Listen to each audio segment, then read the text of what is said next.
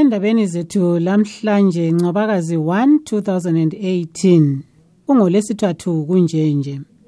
Abekomishini ebona ngezokhetho eyezek bethula impumela eveza ukuba ibandla lezanup f yilo elinqobileyo kukhetho lokudinga amalunga edale lephalamende lithola izihlalo ezedlula okubili kokuthathu two-thirds limpumela ayemukelwanga kuhle ngabomanyano wamabandla aphikisayo o-mdc alliance okubangele amalunga ayo ukungena emigoqweni eharare etshengisela ukukhonona kwaqhamuka udlakela lapho sebedibane lamapholisa.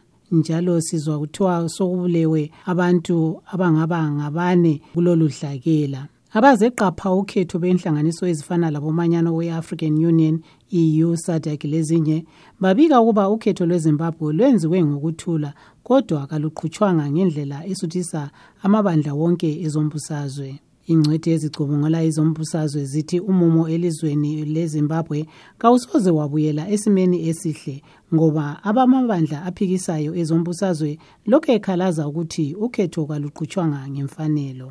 Ku-live talk lamhlanje sikhangela okwenzakala ezimbabwe ngemva kokhetho impumela yokudinga umongameli elokhu ingakethulwa ngabezek thumelani imilayezelo yenu ku-whatsapp kunombolo ezithi 001 202 465 0318 kumbe enkundleni yokukhulumisana lokuzilibazisa yebulenjini yefacebook ekhasini lethu ele-voa indebele lingakuthiwa yilezi ndaba lezinye kustudio 7 ngo-half past 7 ntambama kumagagasi athi 909 am 4930 15580 laku-6080 kilohertz ku-short wave. Ingakhohlwa ukuthi siku-whatsapp lakufacebook ku-voa ndebele.